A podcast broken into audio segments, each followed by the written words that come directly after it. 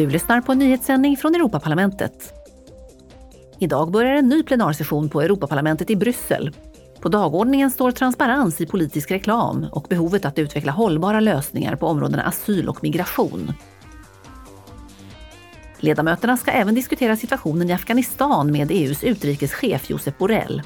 De ska främst fokusera på kvinnors levnadssituation då kvinnorna i landet är fråntagna sina grundläggande mänskliga rättigheter och står under ständigt hot om våld.